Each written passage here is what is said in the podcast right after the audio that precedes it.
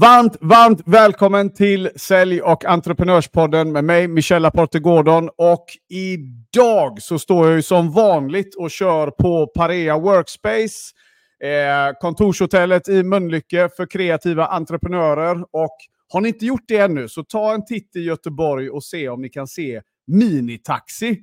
Om det är så att ni ser en minitaxi med Sälj och entreprenörspodden på taket Ta en selfie, skicka till mig så ska du få en riktigt rolig present också. Med det sagt så i dagens avsnitt så har vi en ruskigt spännande intervju som väntar. Eh, och som vanligt är ju den här intervjun raw och oklippt och eh, vi kommer under den kommande stunden att få höra så mycket spännande saker. Jag träffade den här mannen på LinkedIn och eh, vi har haft ett initialt första möte och jag kan säga så här, otroligt inspirerande resa. Eh, och då kände jag, självklart ska han vara med på eh, Sälj och entreprenörspodden. Så eh, med det sagt, så varmt välkommen Carl-Johan Lantz. Hur är läget? Ja, men tack ska du ha. Jo, det är alldeles utmärkt. Spännande och kul att få vara här. Eh, kul att få tjata lite med dig idag. Ja, precis. Vi har ju eh, innan den här sändningen så eh, jag och Carl-Johan, vi, eh, det blir ungefär 70 procent eh, gapflabb och 30 procent ord här. Så vi, vi, ska försöka, vi får, vi får försöka hålla det eh, eh, innanför repen, eller på att säga, eh, den här intervjun i alla fall. Se hur länge det håller. Eh, men du, Carl-Johan, jag tänker vi kastar oss rätt in i matchen. Eh, och eh, Ja, men kort, vem är du och, och vad gör du idag? Oj, eh, jag är en eh, medelålders man.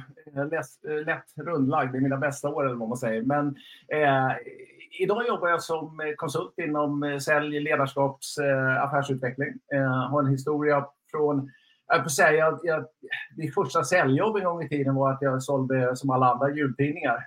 Jag hade mm. drömmen att få den här jättesnygga Coca-Cola-spegeln eh, eh, med Coca-Cola-tryck över hela och så här brun tjock träram. Och eh, det var ju höjden för mig då när jag var typ eh, nio år eller något sånt där. Jag började det där. Eh, det började väl där. Sen har jag jobbat med, jag jobbat med sälj i egentligen hela mitt liv. Eh, jag har varit på fältet hela mitt liv. Jag har byggt eh, verksamheter runt om i världen. Jag har startat upp säljbolag och eh, ja, tagit, varit med och byggt upp, jag skulle säga byggt upp både företagen men framförallt individerna i företaget. Uh, för det är, någonstans i min värld så är det individerna som skapar företaget. Uh, så är det ju definitivt. Och, och framförallt om man pratar utifrån ett säljperspektiv så det är ju det klassiska. Liksom. Jag menar, inget sälj, ingen lön. Det, det är väl en eh, ganska självklar grej. Eh, men vi, jag tänker vi kommer tillbaka till det Eh, och så tänker jag att vi ska titta lite på, för du, du nämner ju Coca-Cola och eh, det, det, förstår jag då var ditt första liksom, eh, säljjobb som du liksom ser som en start på något sätt då. Eh, från liksom Coca-Cola till där du är idag, om du skulle liksom kort beskriva den resan eh, ur ett karriärsreseperspektiv, hur har det varit? Ja, men bra. Jag ska säga att jag har eh, egentligen aldrig haft någon tydlig karriärplan. Jag skiljer mig nog en del från väldigt många andra säljare som har en väldigt tydlig plan så här, med vad man vill och målsättningar och sånt där. Jag har eh, egentligen aldrig haft det. Jag har drivits väldigt mycket av att skapa resultat. Eh, och så har resultaten lett till att jag har fått massa möjligheter. Och det tycker jag själv är en av tjusningarna i, i, i, när man jobbar i sälj om man gör saker bra, man lyckas bra, man kommer någonstans så här, i sin egen utveckling, då dyker det upp massa möjligheter hela tiden. Och jag har varit ska jag säga, ganska bra på att fånga möjligheter i flykten. Jag har sett när de har kommit och så har jag varit ganska, och det har varit både som säljare och i min egen karriär. Uh, jag, har gjort, jag har gjort en del felsteg ibland, ska jag säga, både som säljare och i min karriär. Men, men, ja. men man får ju lära sig på de misstag man gör, om man säger så. Det, det, det är inget misstag om man klarar av att ställa sig upp efteråt och gå vidare med, något, med något annat. Så att, eh, jag skulle säga att det är mycket så tagit chansen när den kommit. Jobbat väldigt mycket eh, hårt eh, i det jag gjort. Jag har sett till att jag blir bra på det jag gör och det har lett till att jag har fått en möjlighet att göra något annat. Kanske mer än att titta på vart jag vill hela tiden. Utan det, det har varit väldigt mycket här och nu i mitt, i mitt sätt att jobba och tänka. Just det.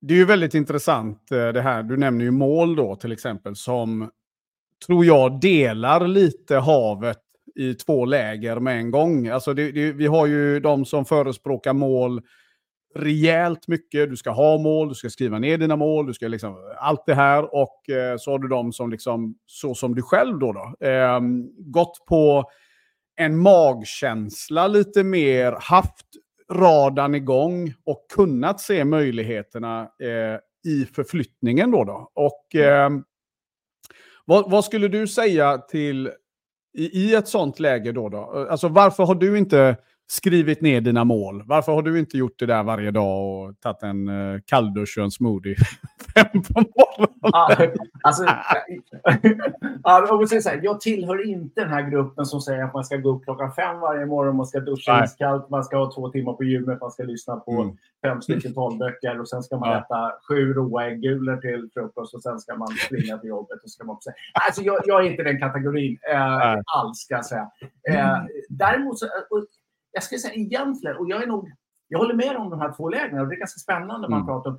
Jag tycker egentligen, jag ser det inte som två läger. Jag skiljer ganska mycket på min mm. egen utveckling och hur jag gör i jobbet. För att det, alltså, som säljare och ännu mer som säljchef, eh, säljledare och när vi har byggt upp nya, startat nya verksamheter så har ju målen varit en förutsättning. Alltså varit extremt tydlig, både långsiktiga mål, strategier och, och, och, visioner. Vart ska vi? Varför ska vi där? Vi ska visa, och brutit ner det i tydliga planer. Och jobbar mycket med säljarna i att man ska jobba med, med veckomål, jobba med mål för mötet, jobba med mål för ringa. Alltså vara extremt tydlig med vad man ska uppnå. Mm. Men för mig, så det har varit en del av, av, av jag skulle säga det är, det är, en stor del av min framgång i mitt jobb är att jag har varit väldigt egentligen strukturerat målmedveten och tydlig för mig själv och min omgivning vad vi ska uppnå. Men för min egen personliga del så eh, har det inte varit någon drivkraft. Jag har aldrig haft den eh, eh, eh, jag har aldrig riktigt funkat på det sättet privat. Att jag kan sätta mm. den typen av mål för mig själv. För jag, jag eh, jag, jag skulle säga att rent egen drivkraft så handlar mer om att prestera och leverera resultat. Och jag, jag är mm. mer en, jag, när vi pratade första gången så sa jag så här, jag, har ju lyssnat på podden och eh, podden heter Entreprenörskap bland annat. Då, och, och jag sa så här, jag är, fan, jag är fan ingen entreprenör, jag är en genomförare. Jag, jag har ingen, jag har ingen, jag, jag har verkligen inte den, vad ska jag säga, min förmåga ligger inte så jäkla mycket i att eh, från tomma intet skapa. Jag behöver någon som sätter ut en flagga. Jag behöver någon ja. som talar om eh, ja, men så här, dit bort tror jag vi har. Och så kan jag vara med och skapa visionen och planen om jag har ett bollplank. Om jag mm. har någon ska Sen är jag jäkligt duktig på att få det gjort. Att faktiskt sätta planen i verket, genomföra och så här. Så jag tror att det är det som gör att jag inte heller haft några mål. Jag, jag, jag har lite svårt med den jag, säga. Jag, Nej, men jag, jag, skulle säga, om, för att skjuta in där lite då, då att eh, ja, men dels att, att man skiljer på den personliga målet och mitt, mitt jobbmål, det, det, är två skilda saker. För när du går in i ett säljjobb till exempel så har du, du har en budget, du har en struktur och du har lite sådana grejer. Det är ju ett mål, det är ju mål i sig då, då som du behöver liksom bli duktig på att jobba med och så vidare. Och det krävs skills för att göra det. Det krävs disciplin, det krävs fokus och alla de grejerna. Eh, och sen när det gäller på det personliga planet, jag själv är inte sån Många tror det, men jag skriver inte heller ner mina liksom, mål när jag vaknar på morgonen. och sådär. Men jag, jag har liksom haft en hyfsad karriär ändå. Eh, jag har liksom, ja, för att hamna i skrytblocket då, då, men på mina 40 år så har jag gjort rätt mycket mer än många andra med några år försprång. Och det, det, det är ju inte för att jag vaknar upp och gör de där grejerna som, som eh, många säger att man ska göra då, då utan jag har också gått på den här känslan, den här eh, den här känslan av att, alltså, alltså, att kunna se när, när jag gör någonting jävligt bra så aktiverar det en kedjereaktion. Och har man då förmågan av att kunna fånga upp, för jag tror att ett mål för mig i alla fall så är målen en, en, en, känsla på vart jag vill i livet. Då, då. Eh, är du driven så tror jag du har väldigt mycket mål inbyggt. Omger du dig med rätt människor så får du mål per automatik. Det är inte bara någonting som liksom någon jäkla självhjälpsbok skulle liksom få mig att börja inse. Utan jag tror definitivt att för mig i alla fall så har eh, umgänge och eh, vad, jag, vad, jag, vad, jag, vad jag är i för miljö pushat mig till nya höjder. Eh, I både business, privatliv, i karaten där jag liksom, eh, average killen gick till att fightas i Las Vegas eh, i ett av våra VM. Liksom. Eh, och, men i, i den här stunden då, då så, så, så, växer det fram ett mål menar jag. Så att jag, jag, jag köper det du säger. Ja, jag, jag, jag, tycker det om... Ja. Förlåt, nu avbryter jag. Jag har redan varnat dig för att du kommer upp på syl över den här tiden. Ja, det är fara. alltså, jag, jag, tänker, och jag gillar det du säger där. Alltså, jag tänker också ibland att, precis som du säger, mål och sånt är viktigt när man utför sitt jobb och man vet vad som Jag tycker att en av de eh, kanske ibland underskattade säljegenskaperna för att bli riktigt framgångsrik, det är ju att kunna se och ta vara på möjligheter när de dyker upp. Och det gäller ju lika mycket i livet som i ja. affärslivet. Alltså, när du som säljare sitter där med kunden, och oavsett om det är digital telefon eller fysiskt, när, när du är det, och så hör du saker, du ser saker, du, du, mm. du får fram grejer som du plötsligt spinner det loss i huvudet och så lägger du ihop ett plus ett och så blir det tre och säger men vad fan det där, det där skulle vi kunna göra en bra grej av. Hörru mm. skulle vi inte? Och att du då vågar kliva fram och, och ta ja. den utan att vara... Alltså, lita på din intuition, lita på din inre mm. kraft. Att mm. här, ja, men, ta den chansen. Vad är det värsta som kan hända om, om, om det visar sig vara fel? Ja, då har jag fått en lärdom och så går jag vidare. Mm. Eh, eh, Ja, men det, det, det, här är jävligt intressant. För nu när, du, när, vi, när, du, när vi pratar om detta så, ehm, så handlar det ju om, det är ju lite som det här med intelligens och smart. Alltså, eh, någonstans så går jag in lite i de tankarna att ja, men det här med mål, eh, jag tror att en del människor måste skriva ner det, måste titta på det varje dag, manifestera. Självklart finns det en kraft i det. Jag, jag, jag skulle aldrig säga tvärtom. Men återigen då, då eh, om du har den här vad ska man säga, magneten i dig. Du har det här drivet, du har den här hungern, du har den här förmågan. Alltså, ah, vad är, vad är street smart? Jo, men det är att du hela tiden kan tänka... Du, du är någonstans, du kan se situationen två, tre steg fram. Eh, jag brukar säga det, liksom, eller min bror sa en sån jäkla rolig grej. Att eh, det var någon som eh, någon kompis till honom han hade, som hade sagt eh, ja men min lillbrorsa är ju eh, på läser teknisk fysik och bla bla och är mycket smartare än din, hade han sagt till min bror då. Och då hade min brorsa svarat så här att ja, fast om vi hade släppt din, våra lillebröder i mitten av Rio de Janeiro och sagt ta dig till flygplatsen så hade det varit min brorsa som dök upp där. Gissa vad som hade hänt med din. Och jag sa det till eh, hans, och det sa han ju lite på så här, lite på skämt. Men det var nog första gången jag tänkte så här, ja, där satte du ord på det. Mm. Eh, för den ene skulle ta fram kalkylatorn, börja med sina mål, börja med sina allting sånt där.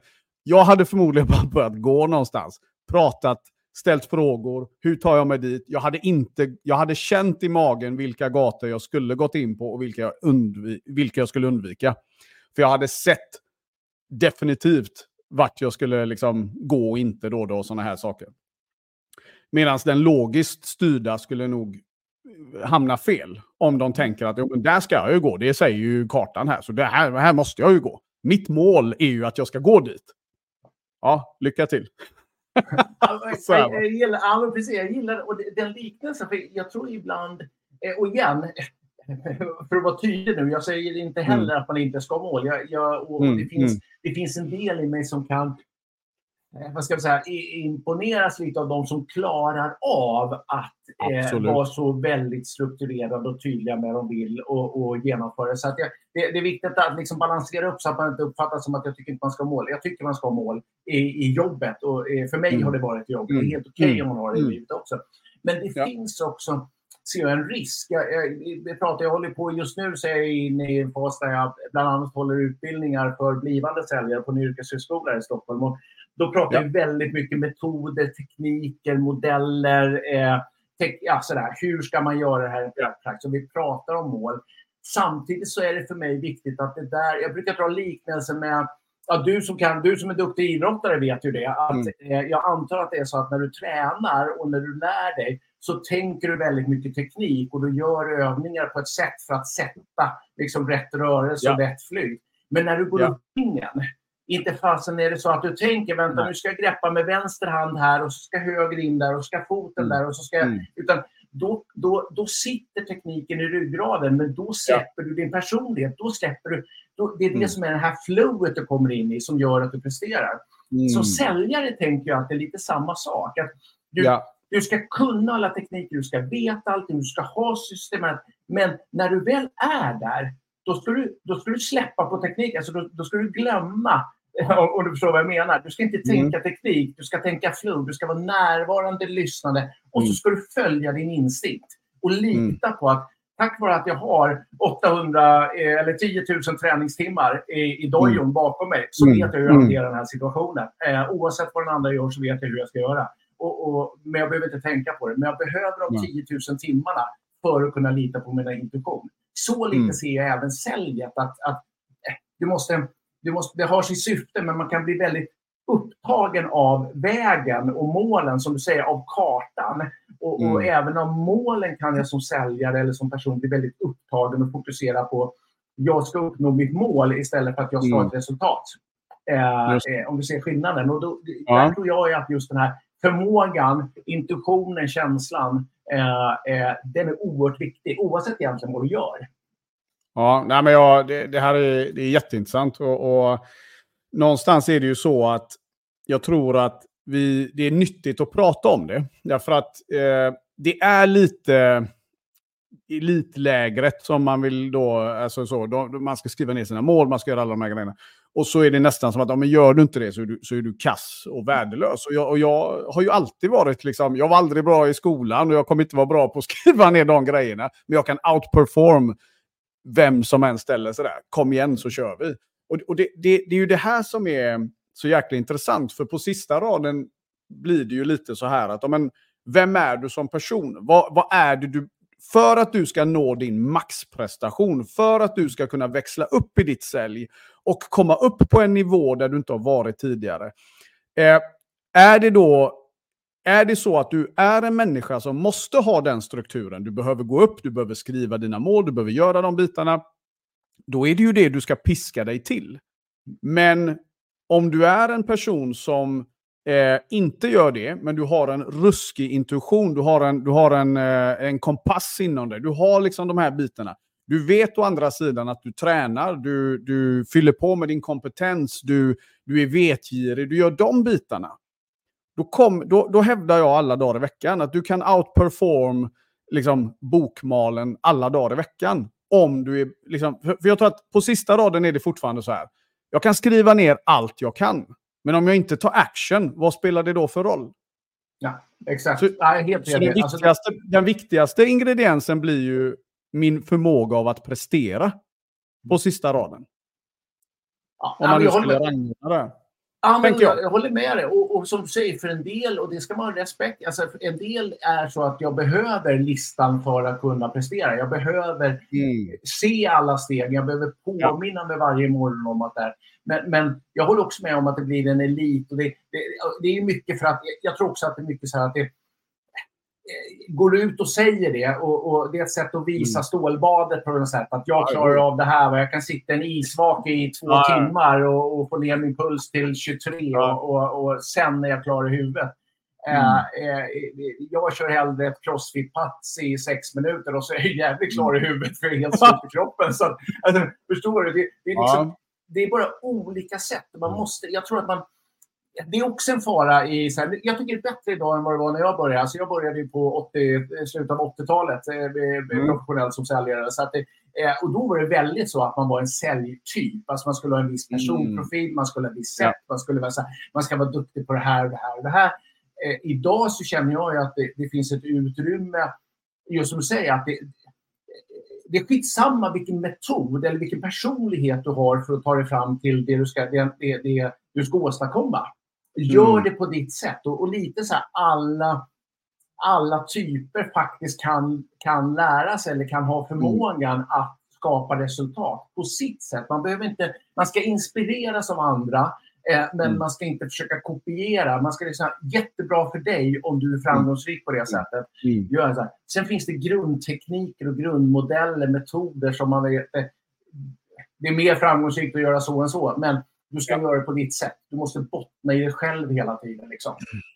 Ja, men jag håller med dig. Och, och, och för att... Eh, om någon ung ny säljare eller någon som lyssnar på det här nu eh, går i de här funderingarna så skulle jag nog vilja summera det med att eh, ja, men du, du måste ta den personliga resan. Det, det, är där du kommer att behöva, och vara ärlig i den då. då. För jag tror, att, jag tror att det är där det blir stolpe ut. att eh, ja, men Den late kan nog väldigt gärna säga nej men jag behöver inte skriva mina mål. Men de kanske precis är de som måste göra det eh, under en period, då, eller vad det än må vara. Så det, det, är definitivt en jättestor gråzon. Men om vi, om vi lämnar den biten lite och så eh, tittar vi tillbaka på liksom säljresan och säljkarriären. Så här. Vad, vad skulle du då pinpointa som, om, om du skulle få välja, säg tre till fem steg som du känner har varit liksom avgörande på din säljresa. Vad skulle du säga att det var då? Oj, eh, jag skulle säga faktiskt att det första och viktigaste steget, nu är vi långt tillbaka, nu är vi ju slutet av 80-talet. Jag gick, det var faktiskt den första riktiga säljutbildningen jag gick. Det var en utbildning under ett, ett antal tillfällen under ett år. Vi var ett gäng som gick och, och, vi gick med en kille som heter Jack, eller han heter fortfarande, jag tror han är i livet. Jag har inte hittat honom, jag har faktiskt sökt efter honom. Men Jack, Sil Jack Silving, han var en liten, lite av en småguru då. Han hade jobbat i USA, han hade sålt Toyota framförallt, jobbat mycket med bilhandeln. Eh, han var väldigt tidigt ute och myntade någonting som jag har haft med mig hela tiden. Och det handlade om, han, han sa att eh, försäljning eh, eh, handlar om att förstå sina kunder, förstå sina kunders behov och bygga trovärdighet i att du kan lösa mm. dem. Det var hans mm. grundfilosofi. Det här 80-talet var ju lite... Eh, alltså, då var det mycket amerikansk säljskola här. Va? Man skulle trycka ut sitt budskap. Sju ja, så säger de ja när man ja. frågar efter orden. Och det var liksom den här klassiska. Och Jack var lite annorlunda, om man säger så. Eh, väldigt speciell kille. Ja, det, det, ska säga, det, det formade mig ganska tidigt i min... Tror jag också i att jag landade i att det är det här jag vill syssla med. För plötsligt mm. var... Det, det, fun, alltså det funkar med det, eller så att säga, matchade mina värderingar. Att, att drivkraften någonstans är att hjälpa. Om, om ena drivkraften är att prestera, så är det liksom, vad, vad är det jag vill prestera kring det? Jag vill, jag vill uppriktigt hjälpa andra att få någon form av framgång, att lyckas. Så kan jag göra det mm. med det företagets verktyg jag har eller med min egen erfarenhet. Eller så här, då blir jag, jag, jag får kickar av att se när det vi pratar om blir bättre. Om man säger så här, om här är någon som har ett problem eller utmaning eller vill någonting eller har ett mål eller vad man nu har. Och så kan jag med hjälp av mina verktyg eh, hjälpa dem att, komma förbi det här hindret. Eller vad.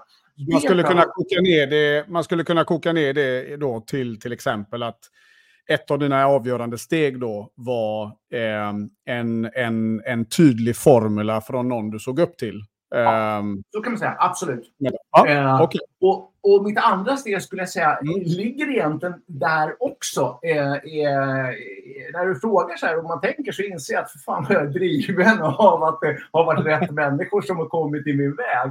Ja, men det, det, alltså jag, jag hade en chef eh, eh, under en kort period. Jag jobbade, i, jag jobbade inom posten då med försäljning eh, som sälj och marknadschef och eh, jag fick en, en chef som heter Kenneth Holm. Eh, eh, och det han gjorde var, skulle jag säga, att han, han var nog den första som verkligen gav mig fullt för, Alltså han backade mig i alla lägen. Mm. Även när jag gjorde tokiga saker så var det aldrig så att jag fick för det gjorde jag ibland, så fick jag aldrig... Alltså, det blev aldrig någon man ska säga, repressalie. Jag behövde aldrig känna mig orolig. Utan det värsta som kunde hända det var att Kenneth kom och så knackade han på mig och sa du, eh, det där behöver vi nog snacka om. Eh, vad var ja. det som hände och vad lär vi oss av det och kan vi gå vidare? Eh, det mm. han, och det var en insikt ledarskapsmässigt för mig, för jag kände själv vilken, vilken trygg, dels vilken trygghet det gav, men vilken, vilken kraft jag kunde få ut av att känna mig trygg. Mm. Eh, att faktiskt känna att det är inget farligt att, att ja. ha... Eh, och han hade någonting, jag använde det senast i, igår i, i skolan, en sån här uttryck. Eh, eh vi hade varit hos en kund, jag hade, eh, jag hade gjort bort mig lite. Eh, men han sa så okej, okay, vad, vad, vad är det värsta som kan hända då? Ja, det är att de mm. inte köper den här grejen. Okej, okay. hur var läget mm. innan du åkte ut till kunden? Hade de köpt mm. grejen då? Nej, de hade inte köpt grejen då. Nej, så att nu efteråt, så det värsta som hände var att läget var likadant som innan du åkte ut till kunden. Då har du mm. torskat en timme av ditt liv. Och mm. förhoppningsvis har du lärt dig något. Så det var väl inte så farligt. Alltså, han Nej. hade perspektiv på, på både ledarskap och på försäljning som, jag, som, som Nå hjälpte mig. Just det. Så någon eh, som egentligen eh, trodde på dig, stöttade dig. Och, eh, eh och med det då skapade liksom utrymme för att du skulle våga satsa mer helt enkelt. Eh, låter ja. det ju som. Att, ja, men du visste att... Och, och det här är ju jäkligt intressant. Vi ska absolut inte sväva iväg nu, utan vi ska få fram eh, tre till. Men jag, det får mig att tänka på det klassiska säljlandskapet där ute. Där det trots allt är så att det är många som går på äggskal till jobbet, från jobbet. Jag ligger inte på budget. Det finns en skamkultur inbakad i säljyrket som vi pratar sjukt lite om faktiskt, inser jag nu. Eh, som definitivt ska bli eh, eh, mer i den här podden. Det lovar jag dig som lyssnar. Att eh, den ska vi fan med gräva upp och, och, kasta rätt in i betongväggen. För det där är en skitkultur kan jag tycka som eh, lever kvar på något sätt. Att ja, men du har inte presterat så du är värdelös. Istället då för... För jag, jag kan relatera till det. Jag hade en chef jag, jag jobbade på ett jättestort it-bolag. Eh, jag ska inte ge, kasta dem framför bussen.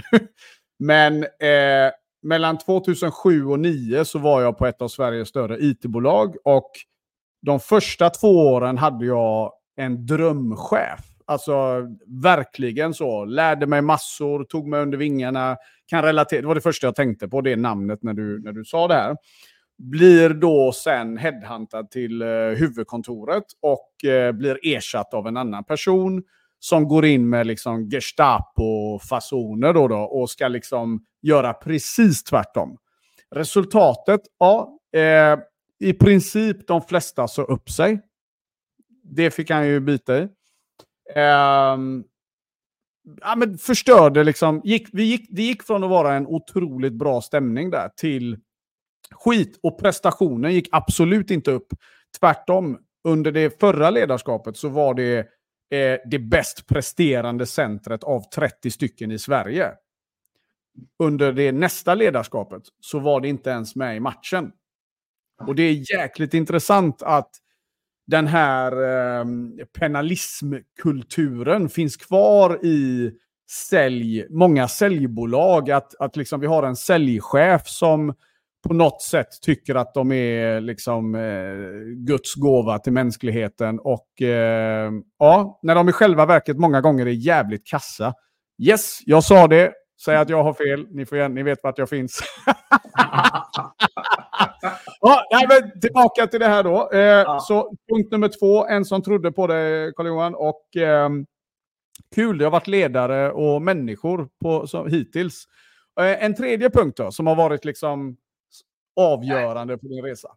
Ja, då blir det egentligen människor en gång till. Eller egentligen inte människor. Mm. Föret företagskultur. Jag, gick, eh, mm. jag, jag bytte jobb i... Eh, jag fick ett erbjudande. Eh, väldigt mycket högre lön, hippare bransch, eh, coolt, eh, eh, häftigt folk. Eh, framförallt lönen, titeln, bilen. Allt var liksom... Mm. ett ordentligt kliv i, i liksom sådär. Och jag såg då Eh, apropå intentionen så, så kände jag så här, men det där måste jag bara göra. Wow, nu, nu kan jag liksom eh, steppa upp ett, ett, eh, ett par pinnhål i, i liksom, ja. omgiv, omgivningsögon eller något sånt där. Eh, eh, jag var där nio månader och totalkraschade. Eh, kulturen mm. var helt fel. Branschen var en bransch som jag inte så att jag inte tyckte om den, men jag kunde inte lira med deras sätt att sälja och deras sätt att sätta mål. Och just som du säger, vi hade en väldigt tydlig sån. Vi tog in, vi, jag tror vi intervjuade eh, två pers varje vecka, tog in en. Vi hade en, en eh, innesäljargrupp där vi uttalat sa att eh, ingen av er kommer stanna här mer än fyra fem månader. Eh, för efter fyra fem mm. månader så antingen har ni fått ett jobb på den här andra avdelningen där de riktiga säljarna sitter eller också kommer ni att gå ut genom dörren för alla läget.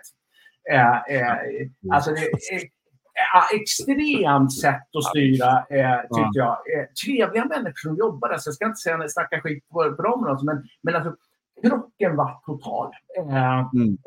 fullständig. Och, och där jag gick med buller och bång. Alltså det slutade med att jag, jag gick eh, på dagen. Eh, jag sa till vdn att det här funkar inte. Antingen ändrar vi på allt det här, eh, inklusive min, min eh, dåvarande chef. Eh, eh, eller också så eh, kan inte jag vara kvar. Och, och, dagen efter så ringde min dåvarande chef och då förstod jag att det var nog jag som inte skulle vara kvar. det var väldigt tydligt. Och, och, jag fick gå på dagen. Alltså det var verkligen så här att okej, okay, mm. du behöver inte komma in idag, du behöver inte komma in imorgon. Kom in på lördag när ingen är här och så städar du skrivbordet, tar med dina privata grejer och så ser vi det aldrig mer hoppas jag. Uh, det var en schysst stil vi fick rent så, så jag ska inte, igen, jag ska mm, inte mm. heller kasta dem för Men för mig var det också väldigt tydligt att jag, jag, ska inte sticka under stolen med att, att det, är kul att tjäna pengar, för det tycker jag med. Och, och, och jag, mm. liksom, eh, man är dum, tycker jag, om man säger att pengar har ingen betydelse, för det har det i ja. livet någonstans att skapa. Ja. Men jag insåg då att det inte var heller någon drivkraft för mig. Det var Nej. inte drivkraften, varken titeln som var fin eller pengarna som kom in. Eh, om det inte mm. funkar i vardagen så hjälper mm. det inte att det en gång i månaden kommer en stor slant. För mig, det finns mm. de som funkar så. Och, och, jag säger ingenting, man, måste, man, ska sin, man ska hitta sin egen drivkraft där med. Men för mig var det väldigt tydligt att den där utbetalningen en gång i månaden vägde inte upp för, för det jag behövde göra för att få den varje dag. Eh, det lirade inte med mina värderingar, min grundsyn mm. och sådär. Då, då känns det, äh, för mig är det viktigt och det är en rekommendation som jag också säger till alla, som sa, alla unga säljare som är på väg ut. Så brukar jag säga ja. att fundera inte så jäkla mycket på eh, hur hit företaget är, vilken prestige det är. Ingångslönen är helt ointressant egentligen i sälj, det är det ju såklart mm. inte. Men det är ju avgångslönen som är intressant. Det är liksom vad du kan göra under, under mm. resan. Eh, mm. och är man 25-30 år eller 20-25-30 år så är man i början av sånt där. Man ska jobba i 40 år till eller något sånt där innan man är färdig. Ja. Så man hinner ja. tjäna pengar om man är duktig. Eh, mm. Utan se till att du väljer rätt chef. Se till att du mm. väljer rätt omgivning. Men här tänker jag ju direkt då, Carl-Johan, att eh, om jag skulle summera mina dialoger eh, genom åren med stäljare som har gjort en otroligt spännande resa då, då Eh, så har ju alla gått igenom jobbet där det blev liksom, alltså den här, eh, vad ska man säga, när jag följde pengarna och det blev bara skit. Eh, för att tala klarspråk. jag har också varit med om det. Jag kände igen mig så det gjorde ont. Ehm, eh, jag blev ju lockad då från det här som jag nämnde förut ja. till en konkurrent. Och eh, jag minns att jag och mina gamla kollegor hade då ehm, eh, bara några månader innan det eh, haft den här dialogen att hade jag bytt ett jobb för 10 000 mer i grundlön. Och eh, vi var ju så här då, liksom när man är 23-24 år och bara, ja, självklart hade jag det och det är ju bara löjligt och det är ju bara ett jobb och liksom sånt där. Jag minns att jag en månad in i det jobbet satt och tänkte så här, jag hade gett 10 000 för att vara tillbaka på min gamla arbetsplats. Ja. Och, och det här är ju också en grej tror jag som händer väldigt ofta, men vi pratar extremt lite om det med. Mm. Eh, för får jag bara gissa en sak nu? Du lämnade det jobbet och det katapultade dig till nästa nivå. Absolut, absolut. Ja. Så var det. Eh, jag hade ett kort eh, inhopp eh, under några månader på en projektanställning och sen så var det faktiskt så att sen från det jobbet studsade jag upp till både bättre lön och bättre, bättre titel. Jag har varit VD för ett, ett, ett, ett litet bolag inom... Eh, vi sålde affärsinformation. och byggde upp en, en IT-teknik som vi var ganska unika med på den tiden med att hitta och, och sammanfatta information och kategorisera den och kategorisera. Äh, och det var Eh, och det valde jag faktiskt inte på eh, pengarna, eh, utan det var för att jag gillade vad de gjorde. Jag såg värdet i vad de faktiskt producerade och vilken nytta de gjorde, vad som var. Det. Och det var snarare drivkraften. Och sen så eh, gjorde vi ett jäkligt bra jobb och då åkte lönen upp på, tack vare resultatet. Och, ja, jag, jag, jag tror benhårt på det här att Alltså att bara jaga pengarna, så, så, så eh, det kan man göra eh, kanske, men, men du får inte lyckan, du får inte känslan. Jag, jag tror så här, ser du till att göra det du tycker är kul i en omgivning där du trivs, där du får förtroende och du känner dig trygg och kan prestera, då kommer ju ett bra resultat. Då kommer pengarna. I sälj är det så. Det, tyvärr är det inte så inom sjukvård eller skola eller något annat det borde vara så. Men, men inom sälj är det ju verkligen så att om ja. du bara är rätt och gör rätt saker, pengarna kommer. Du behöver inte bekymra dig. Kan du tjäna hur mycket som helst eh, om du är tillräckligt duktig. Så du jagar hellre att du ska bli duktig än att du ska få, få en, en bra fast lön eller ingångslön. Det, det, är liksom, det är ju sättet att bli riktigt vad ska jag säga, eh, framgångsrik, både i sig själv och sina känslor och dessutom sen ekonomiskt. Det, det, eh, det ja, men det är slam dunk på den. Det där var en mic drop eh, moment. För det någonstans är det verkligen så. Det, det är ju också, det, det, är många som har lyssnat, som lyssnar på det här som har hört den meningen tidigare. Och jag, jag, det, det, jag vet att när man är, eh, nu fyller jag ju 40 så jag är inte så farligt, men jag vet ju hur det är att vara 20, superhungrig, liksom pengarna och, det, och nu ännu värre säkert med sociala medier och alla är så jädra framgångsrika när det egentligen finns en annan sanning bakom det och allt det där. Va? Eh, men att om du vågar att följa din passion, du vågar att liksom vara i en miljö där du växer, där du får bidra med ett tydligt syfte. Du får omge dig med människor som bygger dig istället för att eh, liksom trycka ner dig. Då, då. Och du, du vågar ha den standarden, vågar ha, ha hög standard i livet på människorna runt dig så kommer pengarna att komma. Det är inget snack om saken. Och det, det säger precis allt och alla som har lyckats på riktigt där ute. Så jävligt bra. Eh, jag tänker vi ska gå vidare och eh, titta lite på, om vi ändå är inne på sälj. Eh, hur, jag menar du har varit med sedan 89, det betyder att du började när du var fem, kan det stämma? Ja, eller tre och, tre och ett halvt. Ja, precis. Ja, exakt. Helt ja, riktigt uppfattat. Ja, Tack för swishen. Nej. Eh, men, och, och, om man tittar då liksom ur ett... Jag menar, du lär ju ut, vi, vi kommer in på det sen också, att idag är du ju faktiskt och, och, och lär ut inom försäljning eh, på en yrkeshögskola. Hur skulle du säga att försäljningen har förändrats då, då? Från, om vi tänker då 80-talet med den marknaden som var där ute till idag. Eh, om, om vi börjar liksom från ett helikopterperspektiv, vad, vad, skulle du säga är de stora skillnaderna som du kan se idag då, jämfört med hur det var tidigare? Uh, oj, ja, jag skulle säga att det är en sån tydlig skillnad som är lite rolig när man berättar om. Men när jag fick mitt första säljjobb, då kom jag mm. till det här stora kontorslandskapet. Här är ditt skrivbord. Här bakom så är det tre stycken bokhyllor med hängmappar. Det är kundkorten. Där finns varje företag, vad som är sagt tidigare, historien så länge de har varit, handskrivna blad, vad som har sagts på varje kundmöte i historien. Mm. Där är kundkorten. Här är telefonen, här är, är telefonkatalogen. Ut och sälj.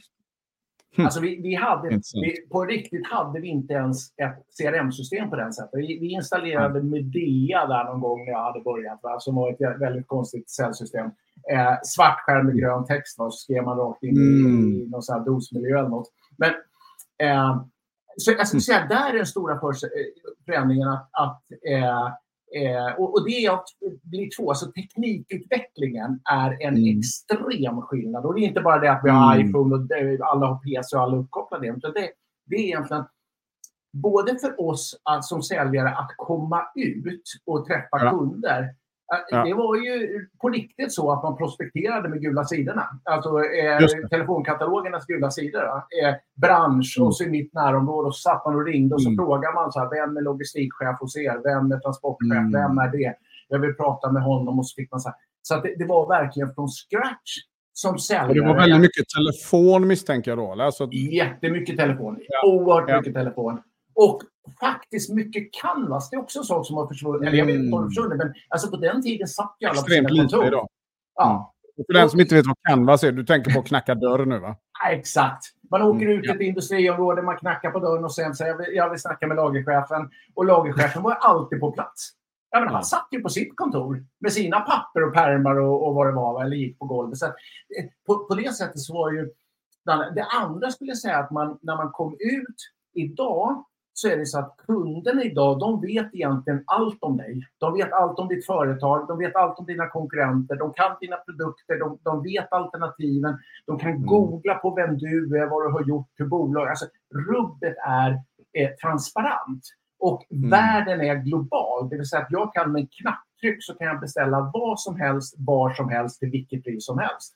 Mm. På den tiden var det väldigt faktiskt så att vi fick ju presentera våra produkter. Alltså det, det var Kunden visste inte vad vi gjorde. Utan vi Men du, om det. Om, om jag ska vara lite djävulens advokat här då. Och ja. så bara just det här med ja, men kunden kan och vet allting. Eh, eller är påläst eh, i, i grund och botten. Jag, jag tänker direkt så här, är de verkligen det? Eller inbillar de sig ibland, eller allt för ofta att de faktiskt gör det, men egentligen inte har mer koll än... För jag, för jag tänker direkt så här, ja, möjligtvis på stora liksom, varumärken, är min spontana tanke. Men jag menar, tittar vi på Sverige som ändå är ett småföretagarland. Jag menar, är du 100 anställda och uppåt så tillhör du 1% av Sveriges företagsflora. Eh, det betyder att vi har en otrolig upp, uppsjö av Sveriges cirka 1,2 miljoner registrerade bolag som inte är liksom ett, förmodligen ett, ett hushållsnamn. Då, då. Eh, och jag tänker alltid när jag hör den meningen, så jag, jag känner lite så här, jag vet inte fasen om jag tycker att de är så pålästa. Jag, jag, eh, när det gäller annat än, om man nu tar den klassiska inköpschefen, vad de borde ha koll på. Eh, men, men om du är ett startup eller om du är liksom ett mindre bolag som ska, och en säljare då som jobbar på någon av de här mindre bolagen kommer ut. Eh, så är min magkänsla att de kanske inte har... De, de kanske har koll på min bransch, men mig som bolag har de inte direkt någon koll på. Vad, vad, vad säger du om den? Gjorde jag ett övertramp där? nej, för fan. Nej, för fan. Absolut. Förlåt, jag svär en hel del. Uh, ja, kör på. De är vana. det, det var att vänja sig vid det. Ja, liksom, precis. Jag ber om ursäkt innan och sen kör jag. jag, gillar, jag gillar för du, du, du, tar en punkt som jag tycker är helt riktig. Nämligen så att kunden tror att de är det kunden för sig. Och det har förändrats mm. För att när, när, mm. när vi började, eller när man sålde på 80-talet, då hade vi, vad ska jag säga, vi hade presentationsföreträdet. Vi kunde lägga i knä mm. vad vi ville. Och sen så var det såklart inte så enkelt att vi gick ut med en broschyr och talade om vad de skulle ha, så trodde de på oss. De, de, alltså det fanns konkurrens, det fanns jämförelser ja, ja. och sådana också. Men, men ja. alltså, det var verkligen en, en annan. Idag så skulle jag säga att eh, antingen så vet kunden om de är lite större som du säger, de kan sin mm. business på ett annat sätt. Mm. Eller också tror de att de kan. Vilket gör att du, ja. vad du behöver göra idag är att jobba ännu mer skulle jag med säga. Att inte bara förstå kundens behov och, och situation och allt utan också mm. fundera på, eller ta reda på hur tänker kunden själv sin lösning på det här? Vad har de för mm. bild i sitt huvud? Ja. Och jag skulle säga att idag behöver du Även om vi redan då alltså, hade man var framgång och man var mer framgångsrik om man ställde mer frågor. Eh, så mm. skulle jag säga idag så är förmågan att lyssna skulle jag säga idag är, är vitt, ännu viktigare än vad det var förr. För du måste verkligen du måste bottna diskussionerna med kunderna. Du måste verkligen förstå mm. hur de tänker, varför, vad de har för före, så att säga, vad de förutsätter. För det är, det är massa folk som förutsätter massa saker hela tiden. Ja. Och, och, att Du måste grotta ner i det på ett annat sätt. Och sen måste du bli... Du måste jobba mer med eh, eh, att bygga trovärdighet, att bygga en stark relation och bygga ett mm. förtroende som gör att kunden När du väl har gjort det här och, och kunden då har möjlighet att jämföra det väldigt enkelt idag eh, så ska de välja dig även om du kostar 20% mer, 30% mer, 40 mer eller vad det nu är. Va? För att de litar på att med dig får jag resultatet. Eh, ja. Och det skulle jag säga är Trovärdighet har alltid varit en viktig del i försäljning. Idag skulle jag säga att den är ännu viktigare. Ja. Eh, eh, så ur säljarens perspektiv eh, så, är värdeförflyttningen i affären mycket, mycket mer, liksom, den är mycket mer avgörande idag än, eh, alltså tröskeln var väl kanske lite lägre då låter det ja. som eh, förr. Eh, mycket på grund av konkurrensinflödet och alla de här grejerna som inte var lika intensivt innan sociala medier självklart. Utan eh, om du hade två, tre offerter du slogs mot förr så är det tio nu. Eh, ja. För att ta liksom ett exempel då. Och, och jag ja, skulle det... säga så här, mm. att de är dessutom så att det som hänt idag, som var ovanligt förr i alla fall, Mm. är att du slåss inte bara med de konkurrenter som gör samma sak. Idag kan du lösa problem på väldigt många olika sätt. Det finns väldigt ja. många olika, olika sätt att lösa ja. samma problem, vilket gör att din, din konkurrenssituation blir inte bara att jag Alltså, det är inte så här, jag säljer eh, Apple-datorer, då måste jag hålla koll på eh, eh så här, eh, Leon och, och, och Toshiba och vad det finns för någonting.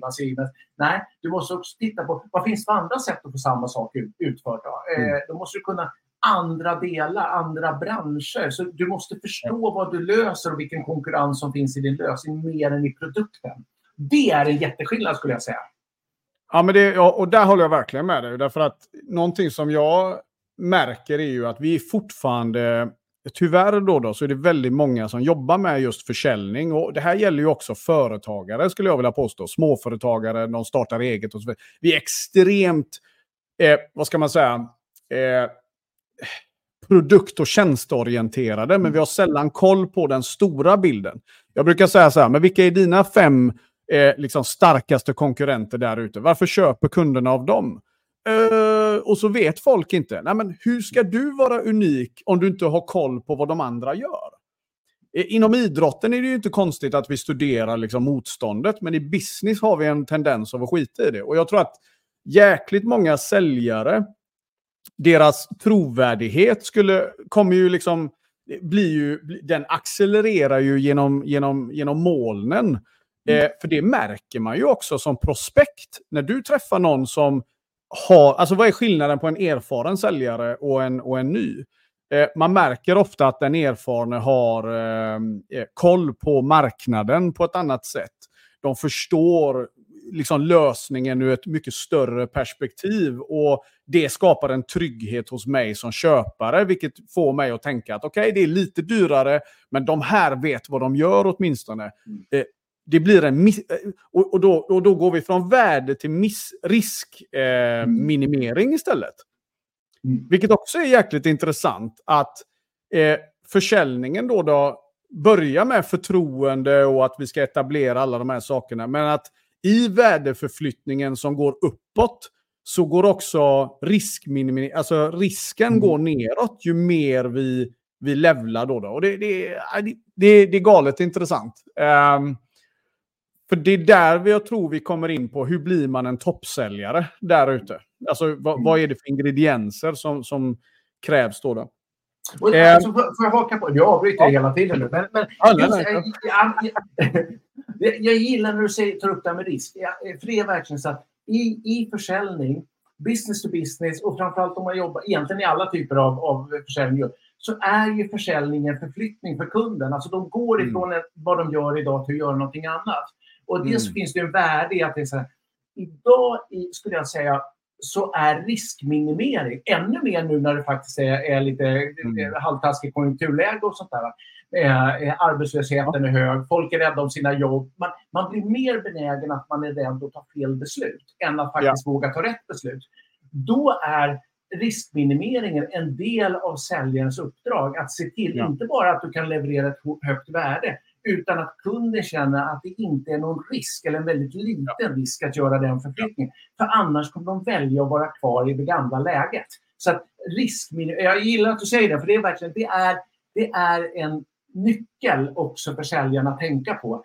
alltså hur stor är den här förflyttningen? Hur, hur kommer den kännas? Vad, vad upplever kunden för, eller personen jag pratar med för kanske mm. personlig risk med att ta det här beslutet? Mm. Ja. eh, och det är någonting som jag tror ofta gör att man som säljare kommer hem och säger jag fattar inte, den här kunden är helt dum i huvudet. Han sa att han hade en kostnad på 10 miljoner och att jag kunde halvera den kostnaden genom det och ändå säger han nej. Mm. Varför det? Alltså, och, då kanske du inte har förstått den där delen. Om, om vi ska fånga den lite då. Eh, för någonstans, nu, nu, vi kan slänga de frågorna jag Släng manuset! det, är, det är som vanligt. Eh, nej, men om vi håller oss där, för någonstans är det ju så här då att om vi, om vi håller oss, då tittar jag ju, då tänker jag så här, ja men det är ju våran förmåga då, då att gå från behovsanalys till behovsmedvetenhet och hur liksom driver vi på det här. Vad skulle du säga är de största misstagen i en behovsanalys som säljare gör idag? Eftersom det många gånger blir stolpe ut, trots att de då tycker att de har ställt massa frågor och fått massa ja. Uh, ja, bra. Jag skulle säga uh, två saker jag tycker man missar. Dels är det hur man ställer frågorna. Jag tycker man ofta ställer frågorna alldeles för grunt. Man måste ja. borra ner djupare och få fram eh, eh, så att säga, tydlig problemställning. Man måste få kunden att uttrycka vad det här faktiskt kostar dem. Och det måste du få med mm. hjälp av frågor, inte påståenden. Kunden själv säger okej, okay, helsike, det här var ju inget bra. Jag trodde jag hade lite problem. Nu har jag upptäckt att det här är ju förödande för min produktivitet, effektivitet eller vad det nu är för någonting. Så du ja. måste borra djupare i frågan. Du måste förmågan att, och förmågan att i frågorna kanske utmana, det vill säga ställa lite känsliga frågor ibland för att få ner kunden tillräckligt djupt. Tror du att det där är beroende på att, att det blir så? Tror du att det har att göra med kompetens eller tror du det har att göra med självkänsla? Uh, bägge delarna skulle jag säga. Jag, jag tror ja. att självkänsla är jättemycket. Kompetens, vi pratar väldigt mycket behovsanalysen. Ställ frågor, ställ frågor, ställ mm. frågor, ställ frågor. Mm.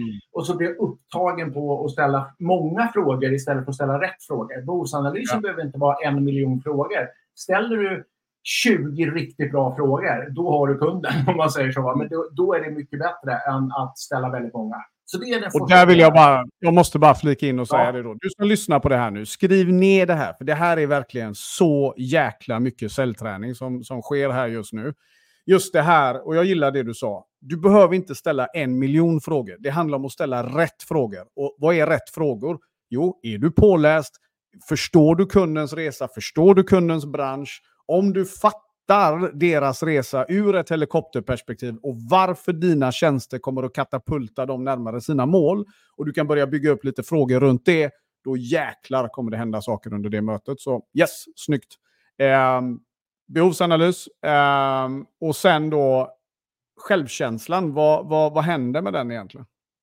Ja, jag, jag, det, det, tror jag faktiskt har lite med den här tryggheten i som jag pratade om förut. Att, att man måste känna sig trygg i sig själv på något sätt. Man måste våga. Och det, det, jag tror man måste våga utsätta sig för det. Och lite där är det att bara våga. Våga släpp sargen. Våga ställa de här frågorna någon gång. Så kommer... Ja. Eh, varje gång du ställer frågan blir du lite modigare. Du, du märker att det var inte så farligt. Du lever inte slagen på käften eller utkastad. Att du verkligen får det här eh, eh, känner förtroendet eller känner självkänslan. Och så här. Jag, jag, tror att det är en del i, kanske till viss del där du pratar om den här klassiska hårda miljön som finns i sälj. Att du ska ja. göra på visst sätt, du får inte missa. För det är klart att det händer när du går djupt att du kanske får en kund säga Hörru, det där skulle du enbart skita i. Alltså, eh, eh, och, och, det får du ta och så får du backa det. Och så får du säga ja, men okej, okay, jag förstår att det var känsligt men eh, orsaken till att jag ställer det är att jag vill inte presentera en lösning till dig om inte jag är helt säker på att det här kommer att göra nytta för dig.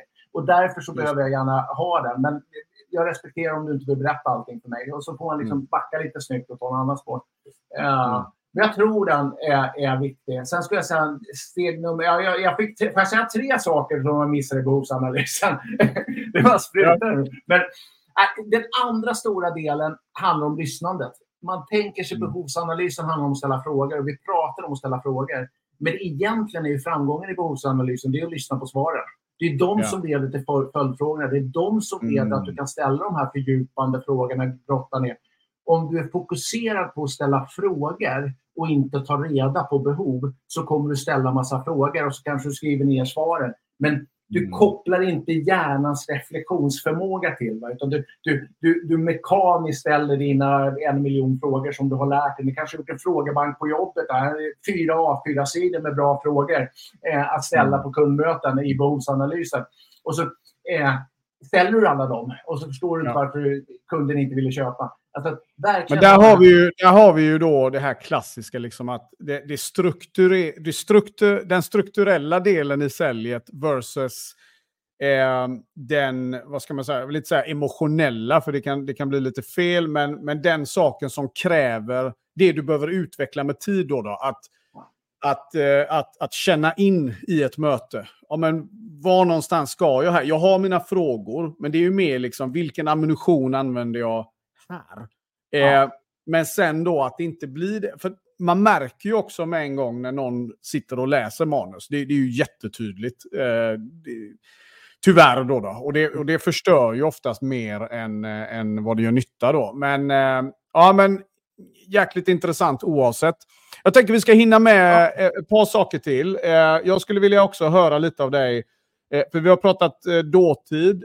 om vi tittar med spåkulan fram här nu då, eh, Carl-Johan. Du, jag menar, du är också på en yrkeshögskola som eh, eh liksom går, en av dem som går i bräschen där ute. Eh, och det är klart, eh, det finns ju ett förtroende i det och sådana här bitar.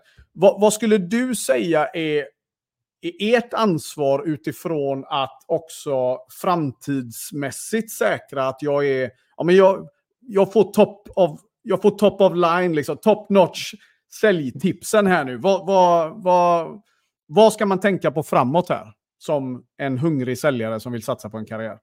Vad behöver jag lära mig framåt? Ja, du kan gå vår tvååriga utbildning så får du lära dig allt. Nej, men alltså,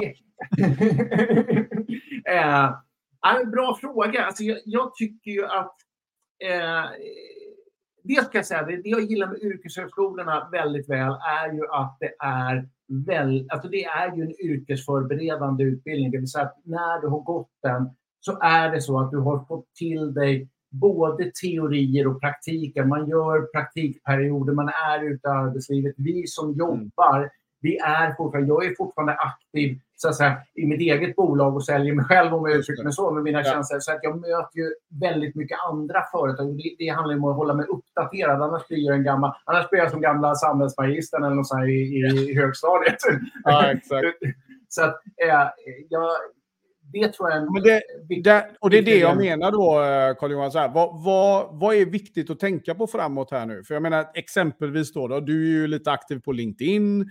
Eh, vi pratar AI, vi pratar de grejerna. Hur viktigt är det att jag tar mig an de här sakerna? För det, det, tar vi LinkedIn som ett exempel så är det ju många som, eh, till min förvåning då, då eh, inte ens lyft på locket.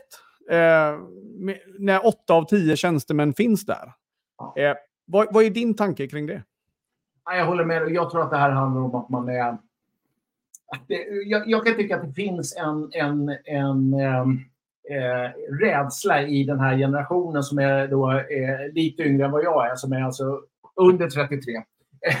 så, ja, men de, de, som, de som är upp, man märker tydligt, tycker jag, de som är uppväxta med sociala medier, eh, uppväxta med, med eh, Instagram, TikTok, WhatsApp, alla de här olika kanalerna, att det är, man är ska säga inte alla, eh, men väldigt många är skitskraja för att göra fel.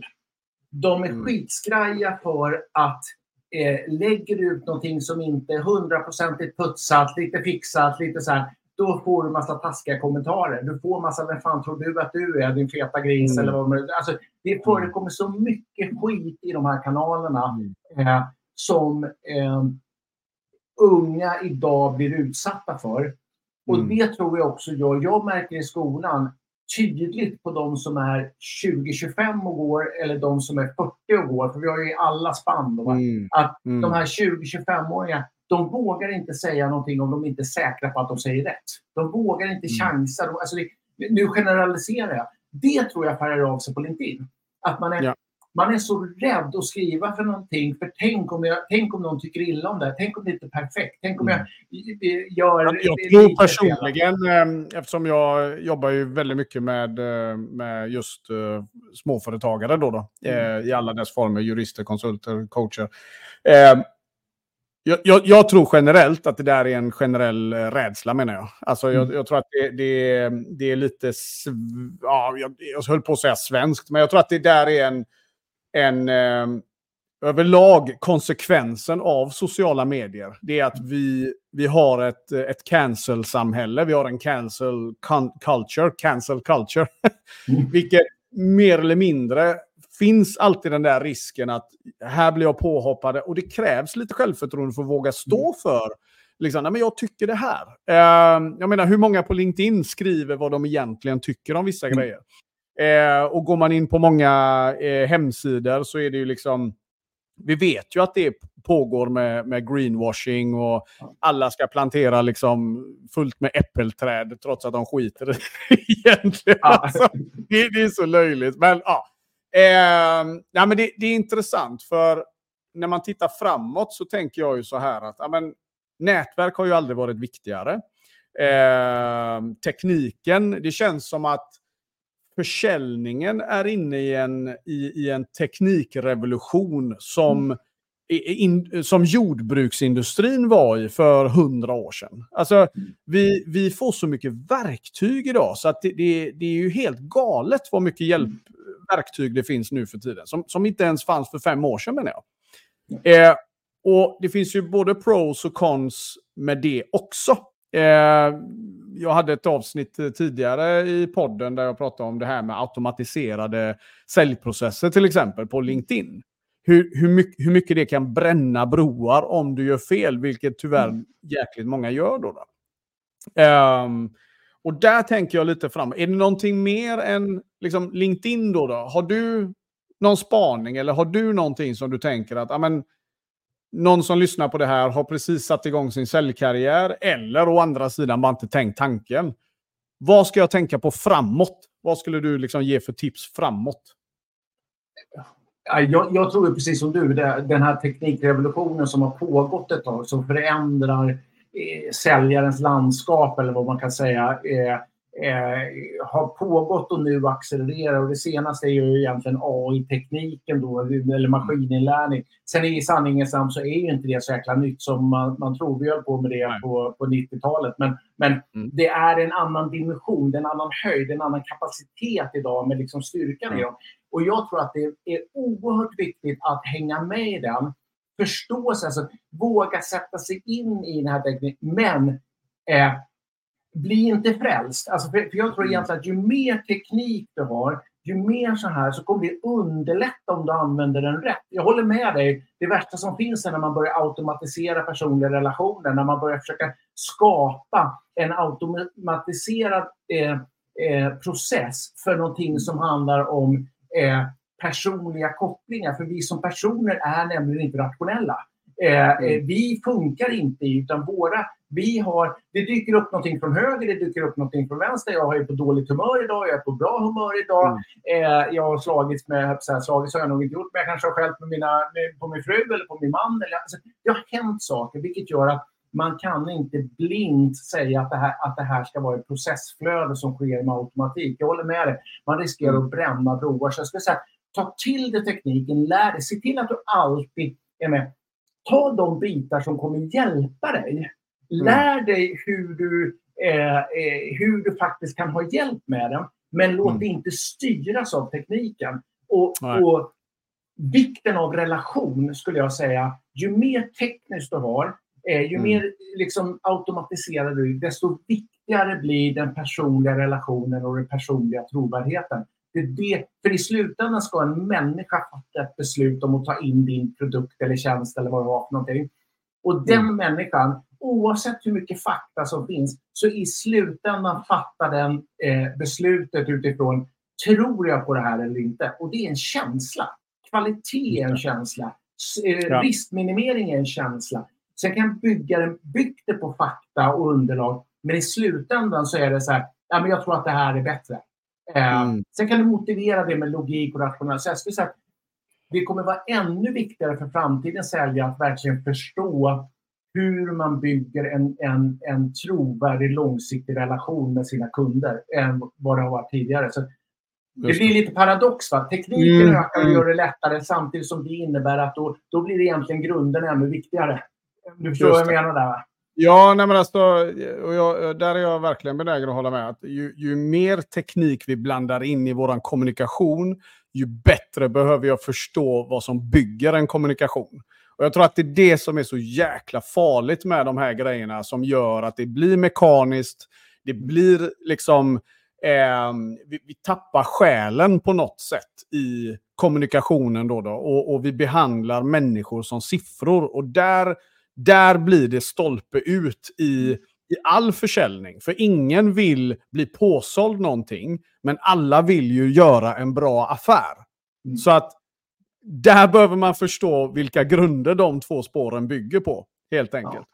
Ja. men, jag tror att det är två processer att säga. Det ena är en teknikprocess och, och, och, det vi inte får hamna i att teknikprocessen slungar oss tillbaka till 40-50-talets kommunikationssätt som var ju bara pushförsäljning. Allt var eftersom det inte fanns någon annan kanal ja, så handlade allt om push. Ja. Och, och, då får vi inte, vi ska inte vi ska inte radera eh, 40 år, 50, 60, 70 års utveckling i i, i de andra delarna, relationsbyggandet i affären, bara för att tekniken plötsligt finns att kunna pusha ännu mer. Det är ganska korkat. Eh, eh, vi ska ju använda tekniken för att fortsätta utveckla det, den vägen vi är på, så att säga. Ja. Ja, men det är intressant det du sa där på sista här, att, eh, att eh, risken är att vi går tillbaka till pushförsäljningen. Då, då eh, just för att det är det metodiken accelererar ju det beteendet. Och, och jag tror, eh, så ska vi gå vidare från den, men jag tror att största faran är att, eller jag brukar säga så här, en automatiserad process accelererar bara nivån du är på. That's it. Det kommer liksom inte göra dig till säljexpert bara för att du tar in ett automatiserat flöde. Tvärtom, är du kass one-to-one så accelererar du en kass Liksom, du, du bara multiplicerar hur kass du är. Precis. Ah, det, är liksom så här, va? Det, det, det är ju så det blir. Det, det, och, och tyvärr då så ser man ju eh, någon har sålt in ett sånt här system till en vd på ett bolag som direkt börjar tänka ja men vad bra, då kan ju vi liksom, utan att tänka så här, hur ska de använda det här? Hur bygger vi relationer idag? Hur kan det här verktyget accelerera vårt relationsskapande och trovärdighetsarbete ute på marknaden? Den frågan ställer vi inte, utan det blir mer så här mekaniskt som du var inne på ja, men, hur kan vi eh, kontakta fler? Hur kan vi liksom... Och så, och så knackar man dörr fast eh, digitalt, vilket mm. bara blir mischmasch. Liksom. Ja, men det, det, här är så himla intressant, för om vi, om vi bara liksom summerar lite vad vi har kommit eh, på den här lilla stunden så tycker jag ju att din resa eh, som du har gjort, eh, Carl-Johan, är ju intressant. att Du har ju haft människor, med andra ord, som har liksom eh, på ändra sättet säkerställt att du har fått guidning och eh, eh, vad ska man säga, rätt stöttning längs vägen. Så det är ju ett guldkorn att ta med sig från det här. Att man, eh, att man ska våga liksom leta upp de här förebilderna, de här bra cheferna där ute. Eh, du var också med om den där totala liksom rätt in i väggen på resan för att också få reda på vad du själv absolut inte lirar med.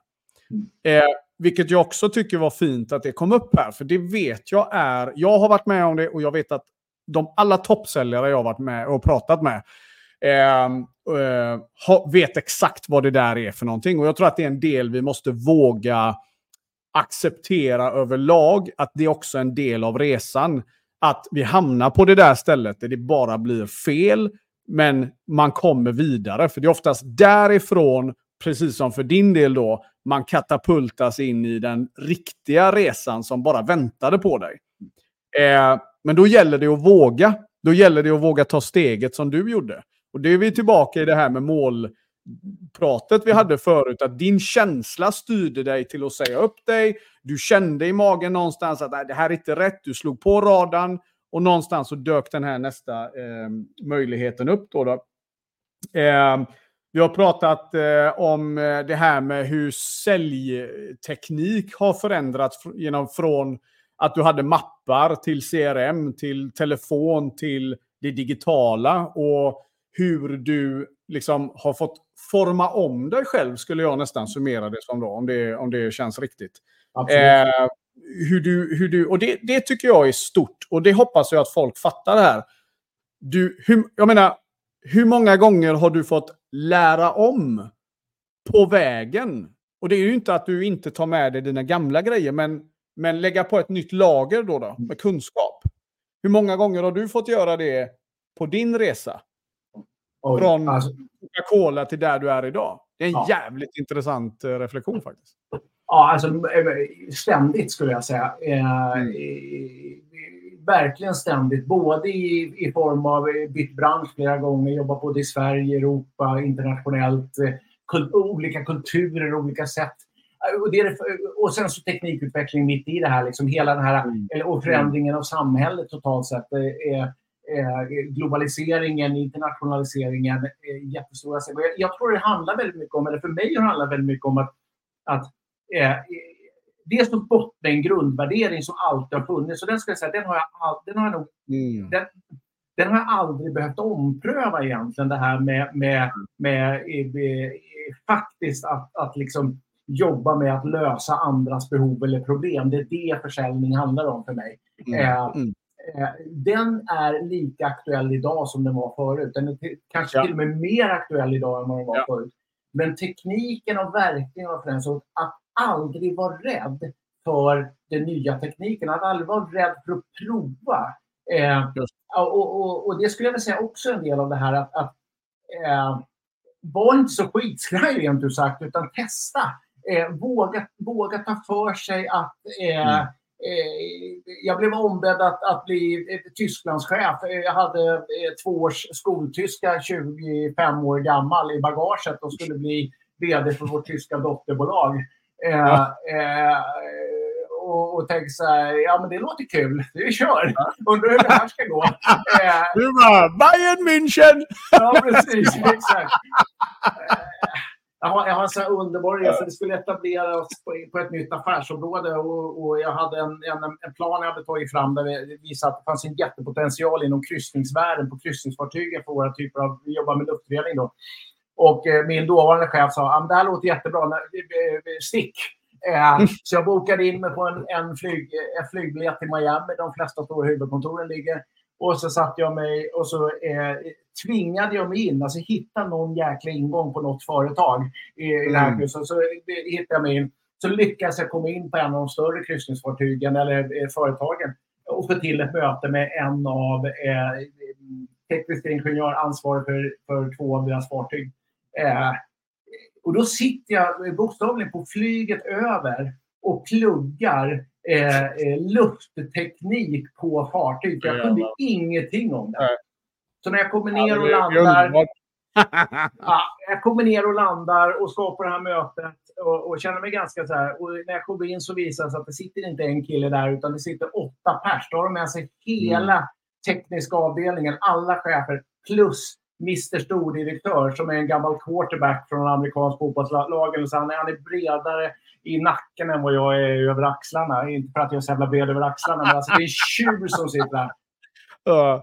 Och han avbryter mig och så säger han, när jag har kört min, min pitch i 30 sekunder, så säger han liksom ungefär så här, äh, nu får du fan hålla käften och så får du tala om varför din lösning är mycket bättre än den vi har nu. Mm. Jag hade tur som hade läst på, så jag visste vad de gjorde och jag visste mm. deras fördelar. Och jag visste framförallt vad vi gjorde, inte bara tekniskt, utan vad det innebar för dem i värde. Men mm. det där är också lite så här, det var ju bara att finnas i situationen. Det är en del av säljet faktiskt. Att du mm. hamnar i situationer mm. som du inte är beredd på. Och det är bara... Då, då igen, då är det för liknelsen där i början. Då gäller det att vara trygg i, i ryggraden. Var trygg i att jag vet vad jag gör. Och så är det bara att sätta på piloten och så eh, kör jag. Nu är det flowet och nu gör jag det här det bästa jag kan. Så får jag utvärdera efteråt om det var rätt eller fel. Gick det bra mm. eller inte? Men när jag är där i matchen, då är det bara att koppla på allt jag har så att säga i kompetens, erfarenhet eh, och vad det är för någonting. Och så får jag gå med eh, följa motståndaren om man säger så. Jag mm. gillar inte sekunder som motståndare, men medspelaren då. Jag får följa mm. dem och, och, se hur ska jag hantera det här och när ska jag gå fram, när ska jag backa och så gör man det på automatik. Ja, men det, det, och, och ja, jag kan bara hålla med. Eh, och jag hoppas du som lyssnar på det här är, är, eh, förstår att jag, jag, tror många bara ser den röda tråden återigen. Att, det, att lyckas med försäljning för att koka ner det. Ja, du behöver kompetens, du behöver struktur, men du behöver framförallt ta action. Du behöver ha självförtroende. Du behöver ha de här tre grundpelarna. Har du dem och du vågar ge det näring i, alltså, och se det som en process och inte som att nu kommer jag i mål. Att du är studenten i de tre spåren konstant. För du lär känna dig själv längs vägen och du, och du satsar. Och ibland går det bra, ibland går det åt helsike. Men so what? På sista mm. raden, om du fortsätter att röra dig framåt, så kommer det bli bra. Mm. Eh, en grej som jag vill fånga, eh, jag har två saker kvar. En grej är, vi pratar ju alltid ofta menar jag om eh, unga up and comers, men det är många där ute som skolar om sig. Eh, kanske jobbat 20-30 år i något spår, eh, som jag tror är nyttigt att de får höra av dig. Eh, eh, som eh, liksom har gjort en resa, du, du har lite fler år på nacken än vad jag har. Eh, men du, du är ung i sinnet då, då, om man nu ska kalla det så. Eh, vad, vad skulle du säga till någon som säger att ah, jag är för gammal, jag, jag kan inte sadla om nu. Och så vill de det egentligen, men vågar inte. Nej, jag bara gör. Ja jag, jag tycker att det är en... Eh, ska jag säga? Eh, jag är nog inspirerad av min egen mor. Hon eh, slutade... Hon var eh, halvhög chef inom Stockholms kommun eh, och eh, tror att hon var drygt 50 när hon satte sig på skolbänken och, och pluggade terapeut. Och sen startade hon eget när hon var 60. Eh, mm. och sen körde hon det. Hon, hon la ner firman för två år sedan när hon var 82. Då slutade hon jobba som egen. Och hon utvecklade sin terapi. Så på slutet så hade hon mm. jobbat som terapeut för andra äldre som gick i pension, mm. som tyckte det var jobbigt att hamna utanför samhället. Liksom, eh, mm. så här, ja, det är verkligen aldrig för sent. Eh, jag, ja, gjorde mitt, jag gjorde mitt, mitt sista steg här och in i den här läraren. Det, det, är ju bara några år gammalt. Jag, jag mm. eh, hamnade i ett läge där jag i min driv, i min prestations, liksom där resultat och i en enormt spännande tid där vi byggde ett företag. Det, var, det är det absolut roligaste jag har gjort tror jag, i mitt liv. Hela den, de sista sju åren där på det stället. Eh, eh, det slutade en sjuksäng i München med mm. halvsidesförlamning och stroke. Eh, och jag var mm. tvungen att verkligen pröva. Jag, jag kan välja att lägga mig ner och tycka synd om mig själv. Nu är jag... Det är viktigt att, att, att tolka mig rätt nu. Eh, för jag tror inte bara det handlar om att intala sig saker. Man måste jobba med saker också. Men, men eh, jag har ju bytt spår igen. Jag, var, eh, jag är fan snart 60. Alltså, eh, och mm. Jag bytte spår för två år sedan. Och bestämde mig för att jag ska inte vara där längre. Jag ska göra en annan sak med mitt liv nu. Och, och mm. Eh, det gör jag. Och så gör, går jag all in i det all in på mina premisser. All in mm. utifrån mina förutsättningar. Vad jag vill uppnå och vad jag vill göra.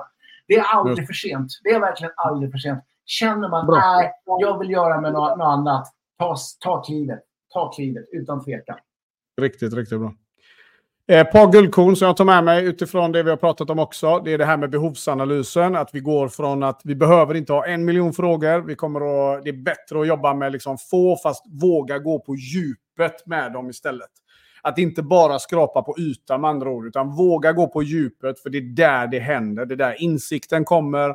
Det är där förtroendekapitalet byggs på riktigt. Det är där det blir urgency, det är där du får ett why, det är där du får alla de där grejerna som egentligen driver affären från ax till limpa, om man nu ska liksom vara lite så. Eh, skitbra! Du, eh, vi avrundar med det vanliga klassiska boktipset. Då, då. vilka tre böcker skulle du rekommendera kort och gott och varför kort och gott? Oj, eh, tre böcker. Jag skulle rekommendera den första en klassisk eh, bok, en klassisk teknik, säljteknikbok skulle jag säga. Det är mm. Spin, Spin av Neil Rackham. Ja. Alla dagar i veckan. Eh, det är, ehm, det är en gammal... Det är en gammal bok, men den mm. beskriver väldigt väl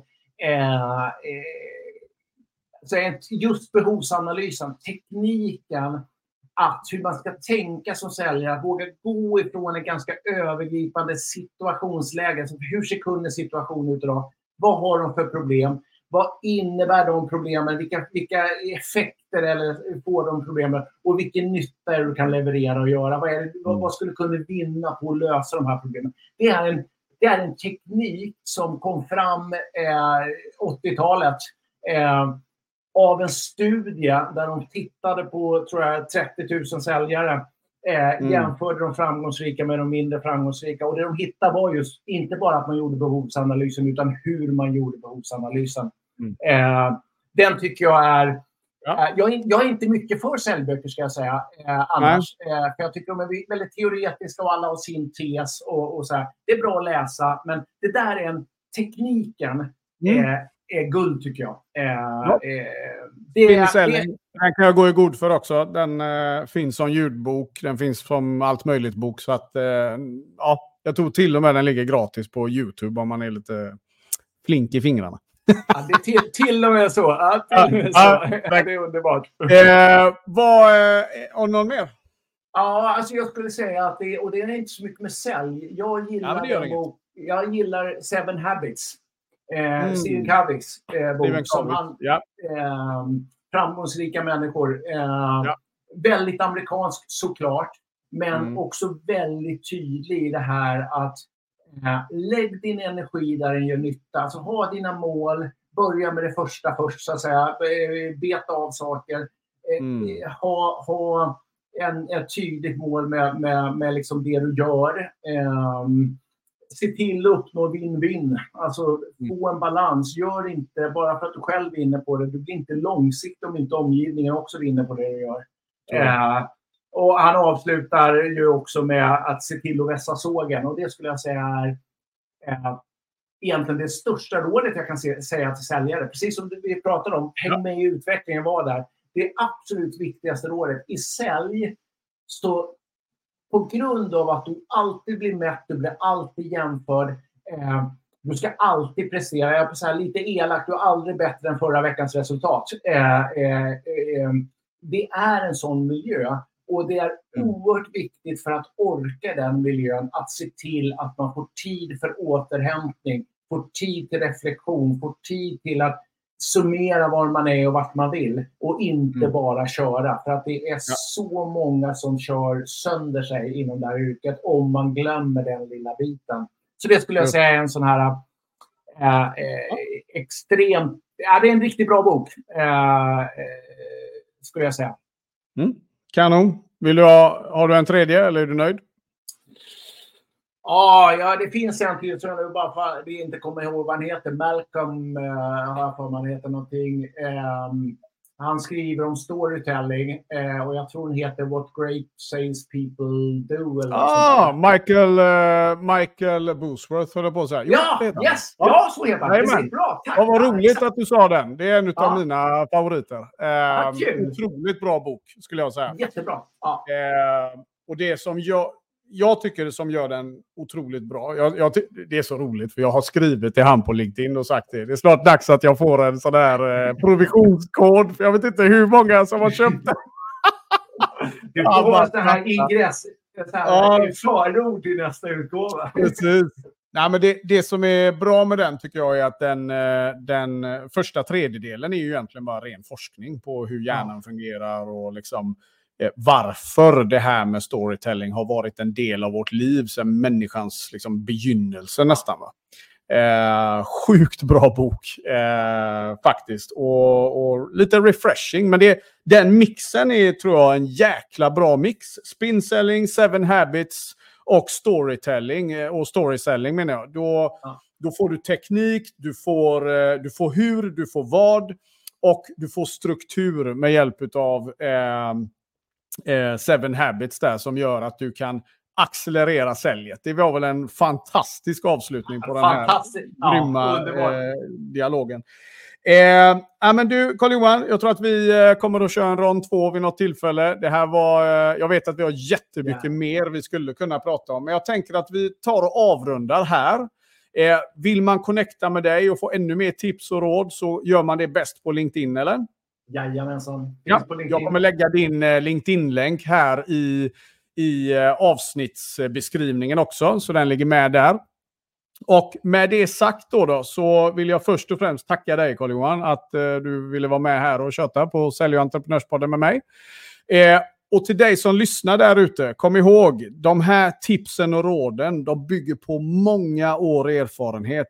Och som alltid, tips och råd är inte värda någonting om vi inte lyckas omvandla det till någonting för oss själva. Då, då. Så mitt tips nu det är att ta fem minuter efter det här avsnittet. Skriv ner vad du tar med dig och fundera lite på hur ska du applicera? Vad gör jag med detta?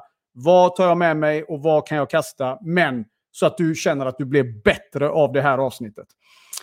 Då så! Då vill jag avrunda för idag. Kom ihåg också, det räcker inte att jag vet att ni är grymma mina vänner. Ni måste tro på er själva också lite. Så tills nästa gång, stort tack för att ni lyssnade på dagens avsnitt. Var rädda om er nu. Ciao, ciao!